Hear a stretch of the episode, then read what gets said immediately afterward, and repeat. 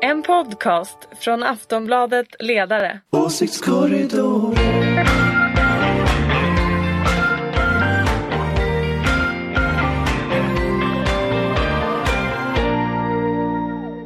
Hej och välkomna till Åsiktskorridoren, en podd från Aftonbladets ledarredaktion. Vintern fortsätter, men i den svenska politiken går det hett till. Så också i Åsiktskorridoren. Vi ska som vanligt prata om den senaste veckans händelser och med mig har jag Ulrika Schenström. Du är moderat och chef för den gröna och liberala tankesmedjan Forest och dessutom en av Åsiktskorridorens stöttepelare.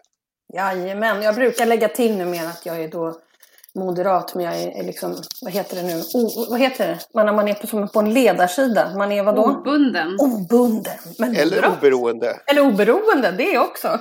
Ja. Independent. Indie. Independent moderate. Indie-moderat. Mm. Jonna Sima, ledarskribent på Aftonbladets eh, och oberoende socialdemokrat. Också indie. indie. Indie. Och Anders Lindberg, den mest oberoende av dem alla, chefredaktören på Aftonbladets ledarredaktion. Precis. Är det så? Själv heter jag Ingvar Persson, jag jobbar också på Aftonbladets ledarredaktion men idag är jag en både obeveklig och opartisk programledare för det här programmet. Eh, jag tänkte vi skulle börja prata om Nyamko Sabuni, det är svårt att komma runt henne. På något sätt har hon ju lyckats hamna mitt i den svenska politikens centrum sedan hon började hota med att lämna januariavtalet. Eh, och en av de frågor som det har pratats om är om regeringen alls behöver bry sig om Liberalerna. Kan Löfven regera vidare oavsett vad Sabuni hittar på? Ulrika? Ja, alltså, jag försöker faktiskt reda ut det här så jag tycker faktiskt att det är taskigt att jag alltid ska få börja på de svåra frågorna så jag tycker Anders kan svara på det. Ja, får, det som veta. komplott. Anders. Eh, det är en komplott, precis. Nej men ja, min teori, eller så här är det väl att Löfven har ju under tidigare episoder haft problem att få igenom sin budget genom riksdagen. Och eh, det, det, det går ju inte att regera med någon annans budget i längden. Och om det är så att man tappar Liberalernas röster, då skulle ju Löfven eh, förlora, eller Löfvens budget skulle ju förlora mot MKD-budgeten nästa gång också. Eh, och det skulle ju då förmodligen driva fram en lång rad kriser. Eh, jag utgår från att de skulle skriva budgeten på ett sätt som gör det jättesvårt för Socialdemokraterna att, att genomföra den. Så att man, man ger liksom ett oerhört potent vapen till sina motståndare om man inte har eh, siffrorna på sin sida när det gäller just budgetvoteringen. Och till det problemet så läggs då alla dessa utskottsinitiativ. Därför att dels har det varit en massa tilläggsbudgetar och dels så sprutar det ju ut utskottsinitiativ från oppositionen. Så att jag skulle nog säga att regeringen kan inte vara så mycket svagare än den är eh, redan. Eh, om den ska klara sig. Så att Löfven har inte riktigt alla kort på hand. Ja, det kommer att vara väldigt svårt att sitta kvar för honom. Ulrika? Nej men det var just det här, det är då det hon menar det är då att eh, visst du kan sitta kvar men då får du regera en annan budget och det är klart att det funkar ju inte på, i längden som Anders säger så att det är, ja, han kan sitta kvar men med MKD-budget då. Ja, och kanske något liberalt litet inslag. Jo men Jag fine, men, föreställer- men, men inte Nej, men med sin egen mig att- budget. Jag, föreställer mig att budgetproblematiken, den bygger ju på att Vänsterpartiet tillämpar praxis, det vill säga att de röstar på sitt eget budgetförslag och sen lägger ner rösterna. Men vi, vi står också i ett läge när det finns en teoretisk risk att riksdagen börjar styra riket. Därför att regeringen helt enkelt är för svag. Så att du styr riket med utskottsinitiativ som tuggar sönder regeringsmakten Tror du på också då, andra alltså, områden än budgeten. Nyval. Men är det, låt, det, låt, mig, låt mig ställa en fråga till först bara innan vi kommer in på det, för det måste vi komma in på naturligtvis. Eh, Yeah. eh, det finns ju ett, ett politiskt problem också. Eh, kan Annie Lööf vara kvar i januariavtalet eh, avtalet om, om Sabuni kliver ur och ställer sig bredvid och pekar? Jonna? Eh, ja men alltså jag tycker att vi har fått tydliga besked om det redan förra veckan. Alltså nu i helgen så intervjuades ju Stefan Löfven i lördagsintervjun i, eh, i P1 och där var ju han tydlig att lämna Liberalerna då blir det nyval. Och han eh, sa ju till och med att vi, eh, vi, vi är redo. Och liknande tongångar har ju kommit från Annie Lööf. Men så det, ja, det pågår väl någon slags kapprustning nu här. Någon måste backa som Lena Melin skrev i Aftonbladet. Eh, annars kommer det bli nyval. Ja, men varför skulle Sabuni vilja det med tanke på att hon har typ 2,5 procent? Ja, Jag förstår inte alls Säg det du! Men, men kan det vara så att Mm. de faktiskt är så inkompetenta i Liberalernas ledning att de inte lämnar dörrar öppna? Så att de håller så att säga på låser in sig i en situation där de till slut inte har några utgångar. Eh, hon är väldigt kategorisk i sitt sätt att, att uttala. Det var väldigt snyggt som ni såg säkert igår då när, när, Morgan Johansson hanterade detta genom att då kliva in i, i Agenda-studion och säga att jo men Socialdemokraterna kan absolut diskutera alla möjliga förändringar. Varvid naturligtvis Miljöpartiet går ut stenhårt och säger det kan vi inte alls. Och nu har Socialdemokraterna lämnat över hela problembilden till Miljöpartiet. Tack så mycket för den. Eh, och de gick på den liksom direkt, eh, miljöpartisterna. Eh, och, och det som händer nu då det är ju att Liberalerna å ena sidan, Miljöpartiet och andra är de hårda. Och Socialdemokraterna har då skaffat sig position i mitten där man kan så att säga hitta en smidig lösning och där man har flexibilitet. Det intressanta med Liberalerna är att de har uppenbarligen inte tänkt på det steget. Så Mm. vad, vad säger de om Socialdemokraterna ändrar tre kommatecken och flyttar en parentes och säger nu har vi förändrat det här. Och det, Alltså, de, de har de inte kommer till ett läge där de är tvungna att säga ja. Liksom. att tonläget har förvärrats eller trippat, tra, trissats upp med Annie Lööf också. Så att eh, ett samarbete däremellan blir ju också svårare och svårare som det ser ut nu. Morgan Johansson som smidighetens apostel i svensk politik, den såg vi inte komma. Nej, samtidigt så tror jag nog att när alla andra är så klantiga som de är så det krävdes ju inte mycket för att se att det var det Socialdemokraterna skulle göra. Och vad är då nästa steg? Ja, det är naturligtvis att de lägger ett förslag på bordet som tar hänsyn till Liberalernas retorik och Miljöpartiets politik. Och då ställer de ju Nyamko Sabuni i läget att hon måste låtsas som att hon fortsätter tycka det här är viktigt trots att alla vet att hon egentligen bara vill spräcka januariavtalet. Så det är ju som ingen som tror att Liberalerna på riktigt tycker det här är den viktigaste frågan i världen. Utan alla inser ju att det är taktik. Och Socialdemokraterna tänker ju syna det, det är min gissning. Så att, så att liksom... Ja, men det är Ja. klart. Men samtidigt blir man ju alldeles förfärad mitt uppe i en pandemi där det liksom är bråk i regionerna, folk är oroliga för att de inte ska få vaccin och då ska de hålla på och göra folk ännu mer nervösa. Ja, ja, alltså för mig är det helt obegripligt. Jag hade aldrig rått en, en oppositionsledare eller en, en, en eh, ja, oavsett partiledare av, av olika, ja, så, att, att hålla på och bråka så här nära ett val, i, mitt i en kris. Och tvinga istället. folk ut till eh, valurnorna. Nej, men Men alltså, alltså, hur tänker de ens att de ska bisarrt. genomföra ett val? Alltså vi, vi har den svenska, vi har ju inte den här typen av, Mm. de har ju sett på Vi TV, kan så få här, absentee vaccin ballot. och rösta samtidigt. Ja, det Nej men alltså vi har ju inte det systemet utan du ska ju stå i kö på, på, på posten då och lämna in det här. Alltså det är ju en, hur har de ens tänkt att genomföra liksom en, en valrörelse mitt i det här? Liksom, ska, du, ska de gå ut och knacka dörr då? Ja, Alltså, det går ju inte. inte. Det blir ju ingenting av det här. skärm. Ja, du menar Tänk dig visir? va- visirskärm. Tänk dig valstugorna som är så här, du vet, en i taget och bara spritat hela tiden. Jo men det blir ju också ett mobiliseringsval. Alltså Liberalerna behöver ju mobilisera sina väljare till valurnorna. De kommer ju inte kunna ha något mobiliseringsval som under en pandemi. Det kommer ju, allting kommer ju att handla om att de har drivit fram ett val. Det eh, riskerar människors liv. Liksom, försök vinna den debatten. Där ska Nyamko Sabuni stå då liksom. Alltså hon riskerar ju inte ens att få 2 med den typen av strategi. Liksom. Så, att, så att, nej, jag vet inte. Jag tycker, de, jag tycker det är konstigt att de inte lämnar liksom en nödutgång någonstans, Liberalerna. Får jag dra slutsatsen att ni inte tycker att ett extraval är en bra idé? Det blir ju en punkt när det måste ha det. Alltså det kan inte hålla på så här. Vid någon tidpunkt så alltså, hoppar Liberalerna av. Då skulle nog jag tro ändå att eh, S och C inte vill sitta i ett sånt läge. Och då betyder ingen av dem vill sitta i ett sånt läge. Och då är väl sannolikheten väldigt stor att antingen att, man ger, att regeringen avgår, talmannen får reda ut det här. Eh, det är väl det mest sannolika. Men det finns ju ingen annan regering som kan formas. Så du sitter ju i ett läge när du har haft dina talmansrunder. Ja, vem ska bilda regering då? Då blir det nyval. Per automatik. eh, ifall talmannen inte lyckas. Så det är ju det läget liksom som kan, eller högst sannolikt uppstår i sådana fall. Är vi på väg dit?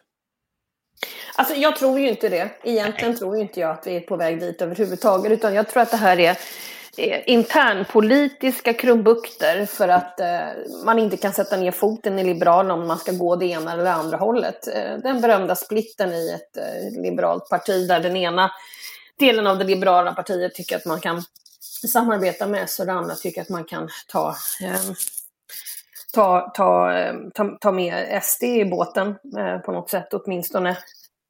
Eh, Men alltså Morgan Johansson erbjöd ju en lösning igår. Den lösningen är ju att Nyamko Sabuni får ett nytt förslag. Hon kan säga att det är till fyllest och därmed rädda ansiktet. Så han erbjöd ju henne att rädda ansiktet igår. Sen så kanske inte hon vill det. Och driva fram ett nyval ändå, fast det verkar ju jättekonstigt. Men jag menar, han har ju erbjudit en lösning nu. Den finns ju på bordet. Uh, och han har sagt att han är lite beredd att bli ovän med, med Miljöpartiet, så han har liksom gått ganska långt ändå. Uh, så jag tror att han har löst det, men alltså Liberalerna är så konstiga då, så man vet inte. Ja, Johan Persson i Liberalerna, han har ju skrivit på Facebook att eh, planen är att man ska gå ur det här avtalet, men eh, lugnt och eh, smidigt. Men smidigt att, kommer det aldrig gå att göra. nej, det... man undrar ju lite, att det var lite önsketänkande, men, men det är ju i alla fall planen. Så vi får se vad, om, om det sker men när skulle det här vara klart? Det var maj va? tror jag, eh, som den här eh, proppen ska läggas. Mm. Så läggs den i maj. Och eh, då kraschar samarbetet i maj och sen har du några månader så då är det typ ja, kanske ja, säg att, att det kraschar någonstans i början av sommaren. Då blir det ju ett år innan valet nyval i så fall. Alltså det är ju helt barockt om det skulle bli så. Men Liberalerna är under 3% i opinionsmätningarna. Ja men det är ju så klart, alltså, så att, men, men, det kan ju hända. Det är inte omöjligt. Det är ju som självspelande pianon spelar ju på liksom. Vart går de då då? Vart går Liberalernas väljare? Är det till Moderaterna? De går väl till Moderaterna eller till Centerpartiet. Hälften hälften. Splitta med. Men vad är hälften av 2,6? Liksom det är 1,3. Alltså... Det är bara en socialdemokrat som kan säga det på det där sättet. ja, men allvarligt talat. Så det är ett helt fi. Så pompöst. Eller hur? Det är ett helt fi. ja. ja, det var ju mycket snällare sagt. det återstår alltså att se hur, hur alltihopa går. Men eh, Alltså min, min fundering är också, för det verkar ju som de har bestämt sig för att eh, det blir i varje fall inte en valrörelse med det här alternativet, alltså någon slags januariavtal. Eh, så att problemen med, med liksom ökade motsättningar kommer väl att komma i alla fall under året. Fast det gör inte så mycket om de bara har tagit budgeten i december 2021. Sen kan de bråka hur mycket de vill. Därför att när den budgeten väl ligger, då okej, okay, man kanske kan ha något tra trassel liksom i vårbudgeten sen, men det spelar liksom ingen roll. Så att får de bara igenom budgeten i december i år, då är det ju liksom då är ju det här samarbetet färdigt. Då har man ju fått ut vad man behöver få ut av det. Liksom. SD hölls borta från makten. Alla kommer att ha fått igenom de reformer de gick till val på. Liberalerna har fått jättemycket i det här avtalet. Eh, och så att, sen, sen, finns det väl ingen anledning att hålla kvar det. Så att det logiska är ju att det upplöses successivt under, under våren, sommaren 2022. Det är det som då Johan Persson menar med lugnt och sansat och sakta. Mm. Kanske. Ja. Men, eh, Om han, är, han mm. borde ju mena att pandemin är slut ändå, tänker jag. Men det är ju, annat blir ju den här perioden intressant, att de, precis som du säger Anders, att Liberalerna fick igenom en hel del, bland annat eh, slopandet av värnskatten som ju har varit deras Fantastiskt! Eh, Ett ja, fantastiskt med socialdemokratisk ja, regering. Det är intressant att man får igenom den och sen själv dör som parti. Ja. Man ska man kan inte väl säga att Liberalerna, Liberalerna historiskt har åstadkommit en del annat också. Eh, genom förra århundradet och så. Så det, det, är väl en, det är väl en dyster avslutning på historien om man skulle själv dö på på att ha avskaffat värnskatten. Fast är det inte så att Liberalernas stora idé, förlåt Ulrika, eh, så här, för det här är egentligen ditt fel delvis. Ja, men Liberalernas fel. stora idé var ju att vara socialliberaler och stå upp för inkomstbortfallsprincipen i socialförsäkringarna.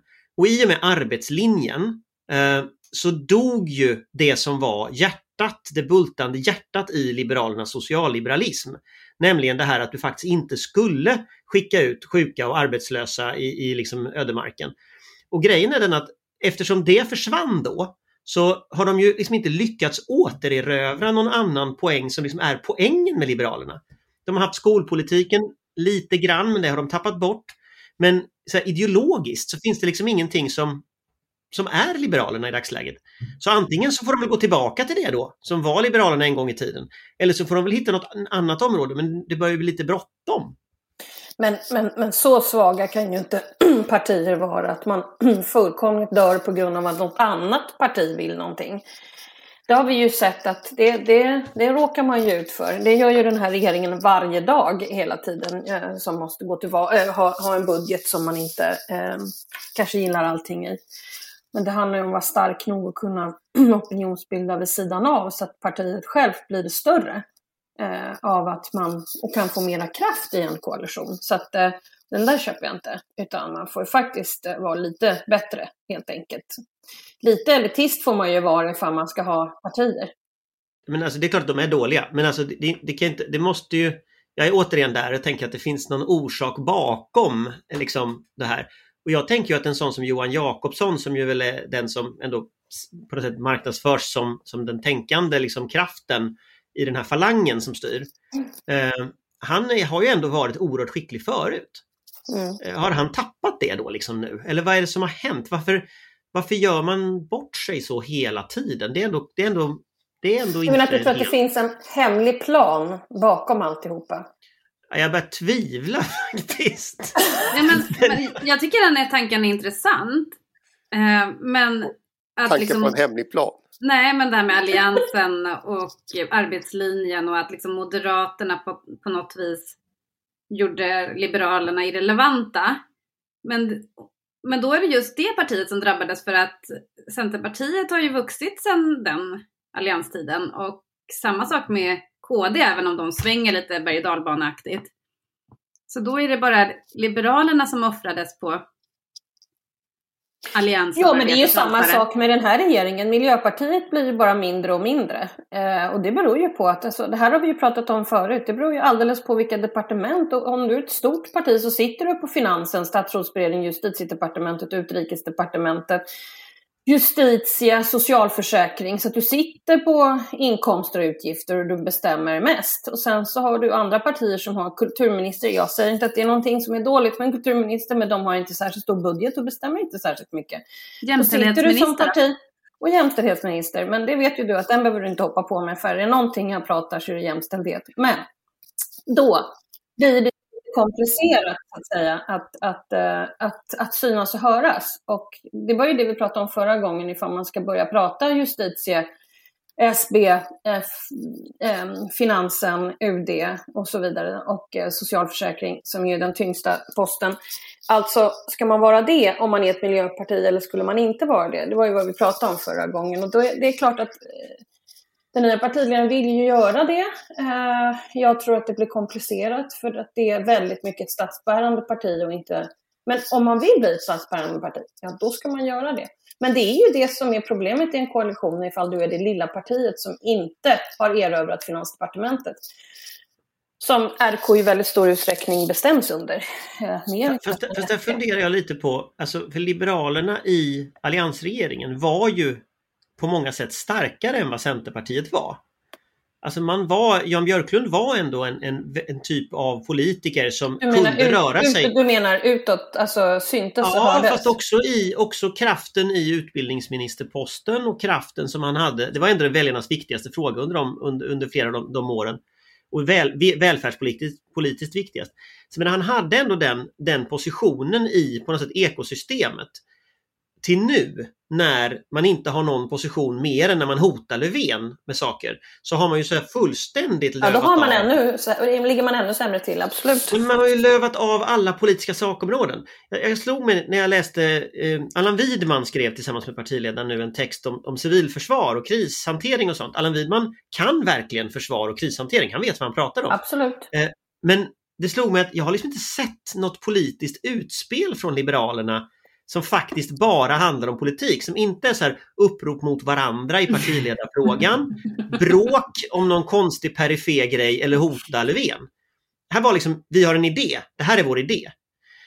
Så att det verkar som att de på något sätt, de har inte bara, det är inte bara partiledaren, de har liksom skippat av hela liksom trädet, lövat av alltihop på, på förslag liksom. Elektrifiering av, av vägar då?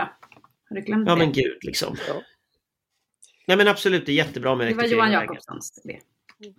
Nej, det var väl hennes förra... Var det inte, var det, inte det här hon jobbade på innan som höll på med elektrifiering? Ja, men det var Johan Jakobssons byrå som skötte det Där där. var han igen!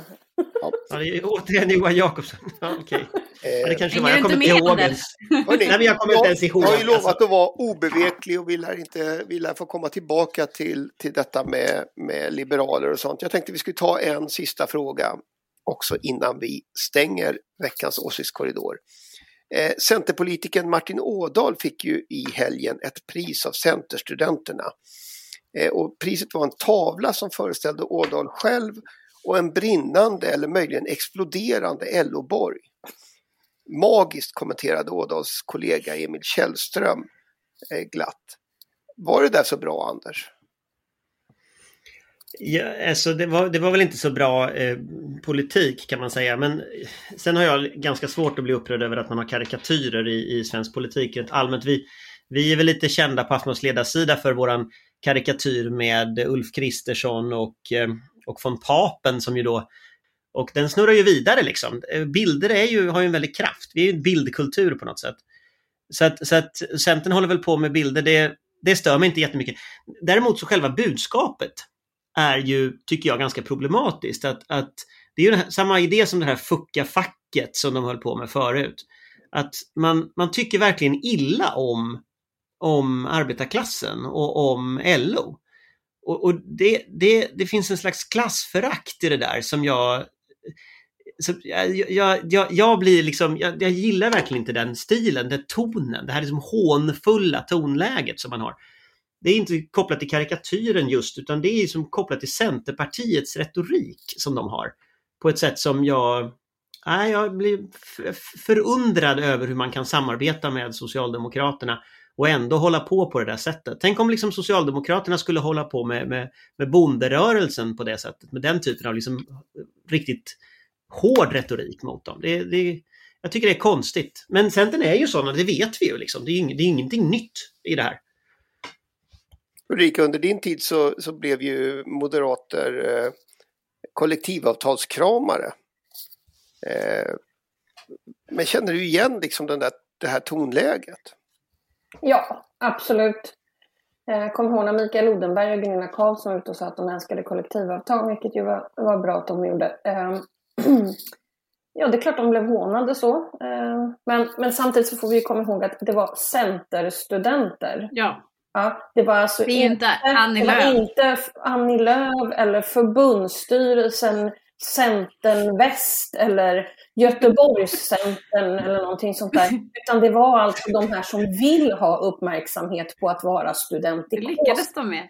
Och det Finns. Göteborgscentern? Julia Eriksson som är ordförande för Centerstudenter, hon är nog ändå väldigt sådär glad att hon fick synas ändå. Hon kom ut.